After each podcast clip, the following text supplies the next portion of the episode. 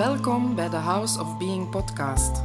Mijn naam is Els de Meulenaren en in deze podcastreeks neem ik je graag mee op een reis van innerlijke groei en bewustzijn en gaan we samen verkennen hoe je je eigen hemel op aarde kan ervaren en je helemaal je essentie leeft. Welkom bij deze nieuwe podcastaflevering. Die gaat over van kwetsuren naar behoefte naar bevrijding. Het is eigenlijk mijn eigen verhaal van de laatste weken dat zo nog eens een samenvatting is geweest om, om heel veel dingen um, de revue te laten passeren. Een aantal dingen die gebeurd zijn in mijn persoonlijk leven, die aandacht vroegen en die eigenlijk ervoor zorgden dat ik zelf opnieuw eens naar de oorsprong ben gaan kijken. Naar, toch naar datgene wat ik zelf als oorsprong kan ontdekken in dit leven. En eigenlijk is het ook iets dat ik heel vaak opmerk bij mensen tijdens sessies. Uh, er zijn zoveel gelijkenissen, iedereen heeft wel zijn eigen verhaal, maar eigenlijk de kapstok waar dat je dat aanhangt, dat is bij iedereen exact hetzelfde. En om maar meteen met de deur in huis te vallen, dan denk ik, als we kijken naar een basiskwetsuur die voor iedereen zo is, maar letterlijk iedereen die hier op de wereld rondloopt, dan is dat de kwetsuur van er niet mogen zijn zoals dat je bent en het gevoel van niet goed genoeg te zijn. En hoe goed dat onze ouders dat ooit hebben willen doen, ooit is er toch die pijn ontstaan, is dat geloof er ontstaan. En vanuit dat gevoel, want dat is een pijnlijk gevoel, um, ja, pijn willen we liefst niet voelen, dus gaan we dat eigenlijk van ons wegduwen. En gaan we ons aanpassen, gaan we bepaald gedrag creëren om met die pijn om te gaan. Met andere woorden, het, het proces, of hoe zal ik het zeggen, uh, de gewoonte van dingen te willen gaan controleren, is daarmee in gang gezet. Vanuit het feit dat we een aantal tekorten hebben. Vanuit ja, het feit dat we het gevoel krijgen, we zijn niet goed genoeg ontstaan er gewoon tekorten in ons. Of we gaan geloven tenminste dat er tekorten in ons zijn. Want ja, als wij onszelf ervaren als niet goed genoeg, dan wil dat zeggen dat we iets moeten veranderen of dat we iets moeten aanpassen of verbeteren of op een andere manier ons gedragen enzovoort enzovoort. Dus we gaan streven naar die dingen die we tekort komen. En het streven naar die dingen die we tekort komen, dat brengt ons tot een heleboel gedrag dat uiteindelijk bij onszelf leidt tot een punt van vermoeidheid, van vicieuze cirkels, dingen waar dat je zegt, daar loop ik nu altijd maar opnieuw tegenaan, patronen die je bij jezelf herkent, dingen die je telkens opnieuw herhaalt, die uiteindelijk ook jezelf een gevoel geven van daarin vast te zitten, die vicieuze cirkel. En ja, uiteindelijk kan dat ook leiden tot een heleboel fysieke klachten. Uh, allereerst is dat heel vaak vermoeidheid, omdat je heel de tijd aan het bent naar iets dat je niet per se krijgt. En als je het niet krijgt, ga je nog wat meer je best doen en nog wat meer energie eraan geven. En het levert je opnieuw niet op wat je wilt en dan wordt het nog een beetje meer moe. En zo is dat alsmaar opnieuw en opnieuw datzelfde cirkeltje. Waarover gaat dat? Um, jullie hebben mij dat al zeker horen zeggen, want het zijn ook die behoeften die aan bod komen in de Sedona-methode. Wanneer we inzoomen op behoeften, er is dus een, een behoefte aan controle, er is een behoefte aan goedkeuring en erkenning, ofwel liefde en aandacht, een behoefte aan veiligheid en zekerheid, en een behoefte aan verbinding of hetgeen dat er tegenover staat, net uzelf eh, afscheiden van de anderen. En die dingen die, die, die telkens opnieuw bij ons getriggerd worden als een tekort, gaan we telkens opnieuw proberen te vervullen. En we gaan dat natuurlijk opvullen of proberen op te vullen met dingen van buiten onszelf met dingen van anderen. Dingen die we van anderen willen ontvangen. En op die manier zou je kunnen zeggen dat we anderen gebruiken om onze behoeften te vervullen. Op zich kunnen zeggen, en wat is daar mis mee? Wel, ja, wat is er mis mee? Dat is te zeggen, ehm, als je er zelf last van ondervindt, want als jij dingen zoekt buiten jezelf, en je streeft heel de tijd naar van alles en nog wat en je krijgt dat niet, dan zie je er zelf vanaf. Maar het kan ook als een, een last of een belasting uh, aanvoelen voor anderen. En vaak trek je dan ook anderen aan die met dezelfde stukken zitten, maar dan vaak in de omgekeerde richting. En dat je elkaar daarop aantrekt, waardoor dat je mekaars behoeften gaat proberen in te vullen. Of net niet invullen, alleszins, het kan de oorzaak zijn van heel veel wringerijen in relaties. Van heel veel uh, frustraties ook. En uh, dat je eigenlijk de pijn die je hebt bij elkaar in plek van te helen nog meer gaat triggeren. Want als ik bij iemand iets zoek van uh, aandacht of liefde en die geeft mij dat niet, en ik vertel tegen die ander dat ik dat mis, dat ik dat tekort kom, dan wordt hij opnieuw gewezen op het feit dat hij wellicht dezelfde pijn heeft. Dat hij ook daarmee tekort zit. En dat hij het gevoel heeft daardoor niet goed genoeg te zijn. En dus wordt opnieuw die basiskwetsuur eigenlijk aangeraakt, waardoor dat mensen, elke mens, opnieuw in een stressmodus komt en opnieuw in een overlevingsmodus komt en dus opnieuw gaat controleren. Controle willen we vaak hebben omdat het ons een gevoel geeft of lijkt te geven van veiligheid. Hoe doen we dat? Dat kan zijn door uh, eisen te stellen of uh, overtuigd zijn van uw gelijk of bepalen over hoe dat iets gaat lopen of um, uh, ja, zeggen van die persoon wil ik wel spreken of die wil ik niet spreken of whatever. Dat kan echt van alles en nog wat zijn. Het kan ook zijn dat je het erop aanlegt om gecontroleerd te willen worden. Dat dat dan een gevoel van veiligheid geeft. Want als ik mijn kracht weggeef, met andere woorden, als ik u een bepaalde uh, uh, ja, autoriteit over mij geef, dan kan ik, als het dan fout gaat, ook die een andere de schuld geven. Dan kan ik die ook nog eens verantwoordelijk maken voor mijn gevoel, of voor mijn leven, of hoe dat de dingen in mijn leven lopen. Dat kan ook een sterk patroon zijn dat telkens opnieuw terugkomt. Hmm, kan zich ook uiten door bijvoorbeeld niet op te komen voor jezelf, voor wat jij belangrijk vindt. Controle dat ontstaat eigenlijk ook altijd vanuit weerstand die je ervaart tegenover een situatie zoals dat ze is. Ehm, als dingen niet lopen zoals ze willen, dat je, zoals jij zou willen dat ze lopen, dan kan je er vat op willen krijgen. Dan kan je die willen gaan sturen. Opnieuw, omdat het dan een gevoel van veiligheid creëert, waar dat ook sowieso al een tekort op zit. En zo is dat ene met dat andere eigenlijk heel erg verweven. Als we dan eens even inzoomen, ik raak ze nu ook maar heel kort even aan. Als we nu eens inzoomen op goedkeuring en erkenning of liefde en aandacht, goh, dat is iets dat ik heel veel zie terugkomen. Let op, ook bij mezelf, ook bij anderen, bij mensen waar dat ik mee werk. Ehm, bijvoorbeeld mensen die zich laten leiden door wat gaan de anderen van mij denken. Um, en zich dus daardoor laten leiden. Bijvoorbeeld uh, wat dat je aandoet van kledij.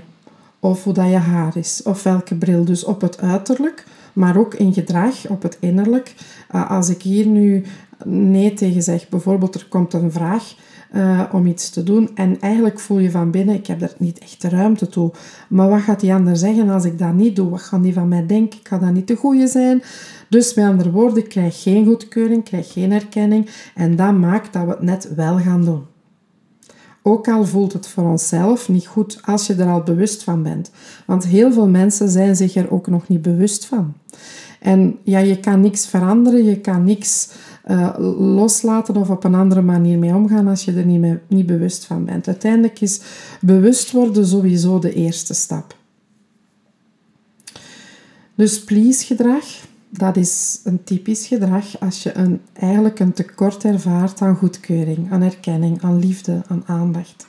Is dus soms ten koste van jezelf. Hè. Uh, veel liefde gaan geven aan iemand anders, misschien meer aandacht voor de ander, ten koste van jezelf. En dat je zelfs daardoor afstand doet van je eigen noden en je eigen verlangens. En soms daardoor ook dingen heel lang in stand houdt. Omdat je tekort en je behoefte aan iets zo groot is. Ik heb dat zelf ook onlangs ervaren door het lichaamswerk dat ik doe. Ik, uh, ik had al heel veel tijd en aandacht besteed aan, uh, aan energetisch werk, aan opruimen, aan loslaten, aan, uh, aan op het onderbewuste werken. Maar mijn lichaam was precies altijd zo'n beetje verwaarloosd wat dat betreft. En ik ben sinds het voorjaar zelf lichaamsgericht werk gaan doen met iemand. En dan kan ik letterlijk aan mijn lichaam voelen wat er, wat er gebeurt als die bepaalde uh, ja, manipulaties doet op het lichaam, zeg maar. Dat maakt dat ik al heel veel dingen heb losgelaten, die dus ook uit het lichaam echt loskomen. Veel kwaadheid, maar ook verdriet, machteloosheid. Dat zijn de, de grootste emoties die al losgekomen zijn door dat werk te doen. En onlangs ook realiseerde ik mij dat mijn gevoelsgrens heel vaak overschreden wordt. En dat die vaak overschreden werd zonder dat ik het door had. Ehm, en daar ben ik mij de laatste maanden veel bewuster van gaan worden. En ben ik ook bewuster mee gaan omgaan, ook al is het soms nog zoeken. Um, om hoe ga ik er nu mee om in mijn contact met anderen. Dus dat blijft zo een ontdekkingstocht voor mezelf nu. En ik gebruik uh, nu ook meer mijn lichaam. Um, of de sensaties, de gewaarwordingen die mijn lichaam eigenlijk aangeeft. Het kan ook zijn dat je vanuit een tekort aan goedkeuring en erkenning zelfs afkeuring gaat uitlokken. Het klinkt misschien heel paradoxaal, maar het is ook wel zo. Om daarmee de vicieuze cirkel in stand te houden van ik ben het niet waard, ik mag er niet zijn. Dus als jij uh, afkeuring uitlokt op eender welke manier, hou je eigenlijk ook jezelf klein. Mm, het kan ook zijn onder de vorm van rebelleren bijvoorbeeld. Eigenlijk zit er een hele grote behoefte aan, aan er mogen zijn, aan goedkeuring, aan erkenning. En net door dat gedrag te stellen, krijg je dat wat je niet wil. En hou je dan je pijn in stand. Eventjes kort inzoomen op veiligheid en zekerheid. Wel, uh, heel veel mensen waar dat ik mee werk ervaren een gevoel van onveiligheid. Een, een basisonveiligheid in zichzelf, maar ook in het leven. En dus dat ze het leven en anderen eigenlijk constant zien als een soort van vijand, als gevaarlijk. Dus, met andere woorden, dat geeft aan dat het lichaam in een stressmodus zit. Um, dat wil zeggen dat het lichaam altijd een soort spanning heeft, een soort verkramping heeft, omdat het in een constante vorm zit van alertheid. Ik moet opletten. Oei, oppassen hier, oppassen daar. Um, het zorgt ervoor dat we geen risico's nemen of geen bepaalde confrontaties niet aangaan. Um, dat we ons soms ook gewoon kleiner houden dan dat we eigenlijk zijn. Dat we bepaalde dingen niet gaan realiseren uit angst, omdat omdat ja, wat dat bekend is, is veilig. Wat onbekend is, is gevaarlijk. En vanuit het gebrek aan veiligheid ja, gaan we niet per se die onbekende wegen opzoeken, want dat kan te bedreigend zijn. Het kan zelfs leiden tot een gevoel van uh, doodwillen, van het leven als te zwaar ervaren, te veel. Eigenlijk echt de angst om te leven. En uh, kan leiden tot heel veel vormen van angst, ehm, van apathie, van een stuk verlamming ook. Uh, kan leiden tot ziektes. Ehm, het kan ervoor zorgen dat je misschien bepaalde grote risico's neemt, die de dood tot gevolg zouden kunnen hebben van die, ja, ik weet niet, rare uh, uh, adrenaline stoten. Ehm, ja, dat je dus dingen gaat doen die, die niet per se helpend zijn om je meer veilig te voelen. Maar weet, het zijn allemaal automatisch aangestuurde patronen, systemen, impulsen. En dan is er ook nog die behoefte aan, aan verbinding, uh, erbij willen horen, bij iemand, bij iets, bij, um, bij jezelf ook. Um, en dat is ook een behoefte die alleen maar ontstaat omdat je jezelf alleen voelt of geïsoleerd, um, eenzaam. En dan is er ook het tegenovergestelde van apart willen zijn. Uh, tonen dat je anders bent, speciaal bent, beter bent. Ehm, of dat je gewoon weg wil van anderen. Ehm, dat je net niet wil bijhoren. Dat kan ook een behoefte zijn vanuit die kwetsuur. Nu, als we al die dingen gaan loslaten, dat, dat, dat voel je al vanzelf. Als je de dingen gaat loslaten, dan wil dat eigenlijk zeggen dat je meer rust gaat ervaren in je leven. Als je niet meer heel de tijd moet streven naar van alles, als die, die realisatie naar behoefte wegvalt, bijvoorbeeld die van controle, ja, dan kom je al vanzelf in een rust terecht. Dan komt er gewoon meer flow in je leven. Als je niet meer heel de tijd streeft naar die goedkeuring en erkenning, maar jezelf gewoon kan ervaren als liefde, als liefde in jezelf, voor jezelf, dat dat er gewoon is, dan komt ook daardoor rust in je leven. Als je niet meer heel de tijd streeft om je veilig te voelen, om zekerheid te ervaren, dan ga je comfortabel voelen, meer gemak, meer rust. En verbinding en, en net apart zijn, wel, dan ga je eenheid ervaren, zonder dat je je eigen uniek zijn verliest. En ga je ook eenheid ervaren in jezelf, in het hier en nu, los van de buitenwereld, los van omstandigheden, situaties. En ja, alles wat zich afspeelt in je leven eigenlijk. Dus het begint met bewust worden. Bewust worden van wat zijn jouw behoeften, op welke manier uh, dirigeren die en bepalen die eigenlijk jou doen en laten in je leven. En eens dat je bewust wordt daarvan, als je het kan zien en herkennen en verwelkomen en ruimte geven, dan komt er verzachting. Verzachting en mildheid naar jezelf, naar de anderen, naar de omstandigheden de situaties.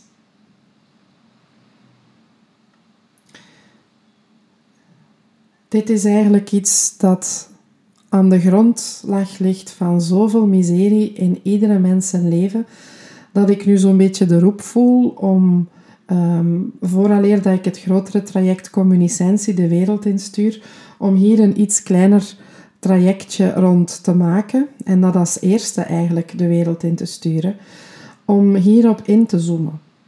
En vooral om het los te laten. Om het te transformeren zodanig dat het niet meer heel de tijd jouw leven bepaalt, dat er meer flow komt, dat je meer die bevrijding ervaart. Weet ook dat dat op vele lagen zit. Want soms zeggen mensen wel eens tegen mij van... Allee, jij na alles en al het werk dat je al verricht hebt op jezelf en de inzichten en de groei en noem maar op, dat jij hier nu opnieuw mee geconfronteerd wordt. En dan, dan herken ik wat ze zeggen en soms ook tot frustratie van mezelf. Maar dan weet ik ook dat ik uitkom op vaak de subtiele lagen, de fijne laagjes, de... de ja, de finesses van de overleving, zal ik maar zeggen. Ehm, en dat geeft mij dan ook de mogelijkheid om dat opnieuw op te ruimen en om mezelf daarvan te bevrijden. Omdat ik er zelf zoveel ervaring mee heb en er heel goede inzichten ook over heb, voel ik mij ook wel ehm, als een goede persoon om anderen erbij te ondersteunen en te begeleiden, omdat ik het zelf ken van binnenuit. Het is geen theorie, het is doorleefd zowel de ellende, zeg maar, en alle miserie, maar ook de bevrijding en de evolutie die dat er kan komen. Ehm, nu, al dit, ik wil dat nog even kaderen binnen uh, iets dat als ik zo'n weekend geef uh, of, of een week, dan zeg ik dat ook altijd van... Er zijn twee mogelijkheden, er zijn twee wegen. En eigenlijk zeg ik dat zelfs al in mijn allereerste podcast. En dat is bijna een jaar geleden trouwens. Ehm, je hebt twee wegen. Je hebt die horizontale lijn, dat wil zeggen, we gaan de persoon zo vrij mogelijk maken. Zo vrij mogelijk. Of er is de andere weg, dat is de verticale lijn. Je gaat je gewoon bevrijden van de persoon. En ik heb zelf het voorbije weekend nog eens mij helemaal verdiept ehm, door een, eh, een kort weekend retreat te volgen met Muji. Dat is voor mij de levende meester die mij de zijnsfrequentie heeft bijgebracht in eerste instantie. Enfin, die mij heeft doen inzien wat ik al ervaarde, om dat te kunnen begrijpen wat het was. Want voor mij was het zoiets ijl, zoveel jaar geleden. Ik had daar niet zo heel veel inzicht op. Of, of ik, ik wist niet altijd per se wat het, wat het juist was dat ik uh, ervaarde. En door hem heb ik dat kunnen begrijpen, tussen aanhalingstekens, wat het zijn was, in de mate dat je dat kan begrijpen, want het is vooral ervaren. En het heeft mij ook ongelooflijk veel deugd gedaan, want je kan als persoon heel veel laagjes opruimen enzovoort enzovoort. En dat kost tijd en inspanning. En dat is goed, dat doet, dat doet ook deugd, hè, dat je je vrijer kan bewegen. Maar er is ook de directe weg. En dat is door je dus vrij te maken van de persoon. En dat je volledig jouw zijnsfrequentie gaat ervaren. Zowel in één op eens in de, in de releaseoefeningen, ook in de meditaties, uh, in weekends en weken, is dat iets waar dat ik heel graag aandacht aan geef. Om mensen dat te laten ervaren en om jullie er ook echt bij te brengen. Dus voor nu zou ik heel kort een release willen doen en ook eventjes aandacht geven aan de zijnsfrequentie. En ik wil jullie dus uh, na heel deze parley uitnodigen om je eventjes te concentreren op jouw ademhaling. En eventjes gewoon bij jezelf toekomen. Misschien helpt het om je ogen eventjes te sluiten en om op die manier alle aandacht naar binnen te brengen en eens te voelen hoe het nu met jou gaat. Misschien heeft heel mijn parley wel het een en ander bij jou getriggerd of opgeroepen, bepaalde herinneringen of situaties, gevoelens, gedachten. Kan je die dan ook gewoon eens helemaal verwelkomen en ruimte geven? Mag alles wat jij nu in jezelf ervaart er helemaal zijn.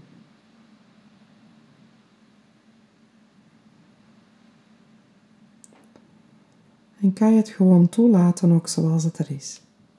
Wat het dan ook is dat nu aandacht vraagt.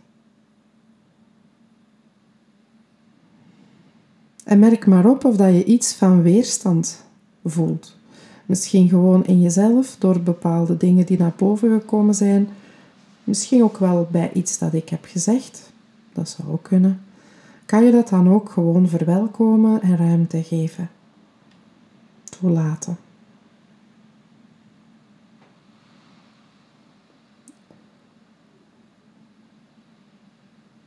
En merk eens op of dat je ook nog een bepaalde mate van identificatie ervaart. Dat je het als heel persoonlijk ervaart. Datgene wat jij nu in jezelf beleeft, voelt, denkt.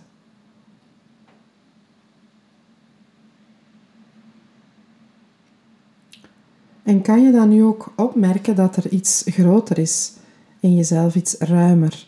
Dat er iets is waarbinnen dat al die gedachten, gevoelens, sensaties, weerstand,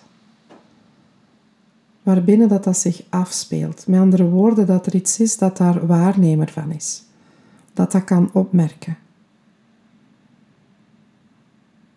En kan je vanuit die ruimte, waarbinnen je jezelf dus als ruimer en groter ervaart dan de situatie, dan de gedachten en zo verder, kan je vanuit die ruimte alles eens loslaten. Kan je jezelf bevrijden van eender wat er nu in jou leeft. En wil je dat ook? Ja of nee?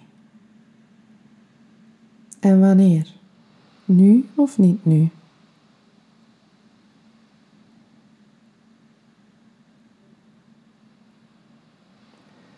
En dan mag je eens een diepe ademhaling nemen.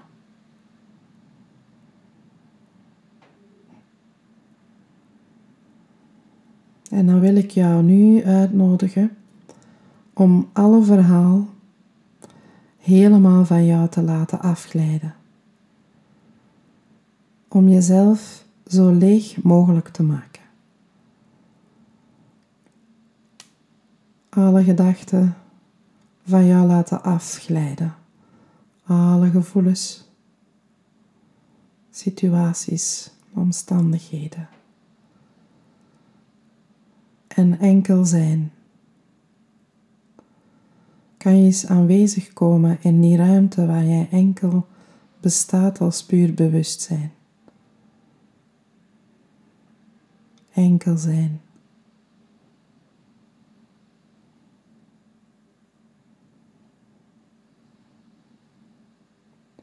En misschien wil jouw mind er nog wel tussen komen prikken met gedachten hier en daar.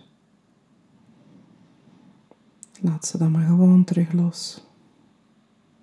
Terug van jou laten afglijden. En opnieuw in de lege ruimte van zijn komen, waar jij gewoon bent.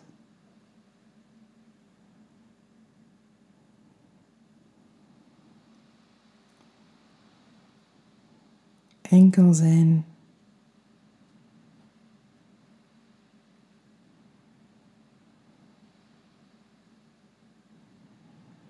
En dit is de ruimte waarbinnen je wel werkelijk harmonie kan ervaren, rust en stilte. En let op, het is geen ervaring als persoon. Jij bent het bewustzijn waarbinnen alles verschijnt en verdwijnt. Jij bent bewustzijn zelf. Ervaar dat nu. Het is een, een verplaatsen van aandacht. Een shift in het, in het bewustzijn waar jij met je aandacht bent. Jij bent de waarnemer. Jij bent het bewustzijn zelf.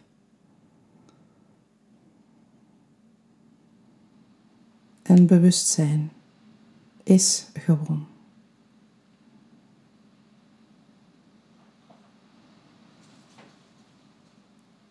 Ervaar dat helemaal.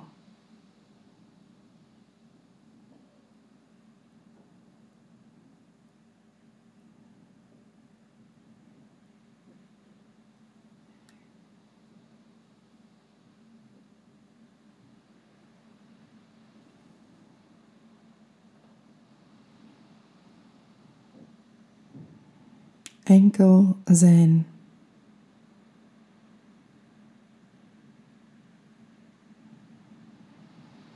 En het is mogelijk dat je binnen dat zijn dingen waarneemt. Dat de mind ertussen zit te duwen met gedachten, of dat je dingen voelt of sensaties hebt. Dan laat je het weer gaan. En enkel bewustzijn.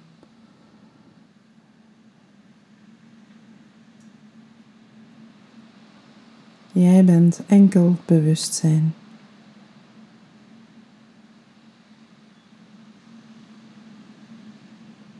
En misschien hoor je geruis op de achtergrond. Het stormt buiten. Maar in jezelf is het stil. Dus laat ook wat jij gewaar wordt met jouw oren of je neus als je dingen ruikt. Gewoon opmerken, maar blijf als het puur bewustzijn.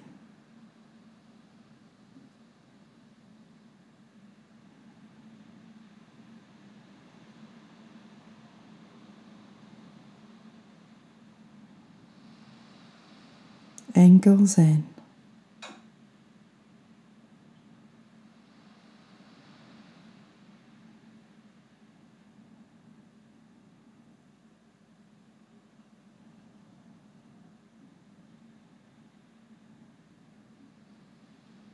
Enkel zijn.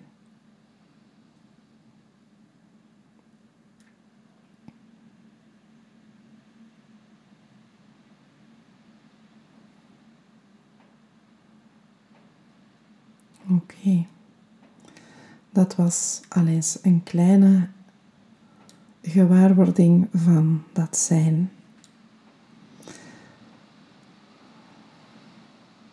Als vanzelf ervaar ik ook terwijl ik dat begeleid heel veel rust in mezelf en verdwijnt ook alles wat ik aan woorden heb uitgesproken daarnet helemaal naar de achtergrond.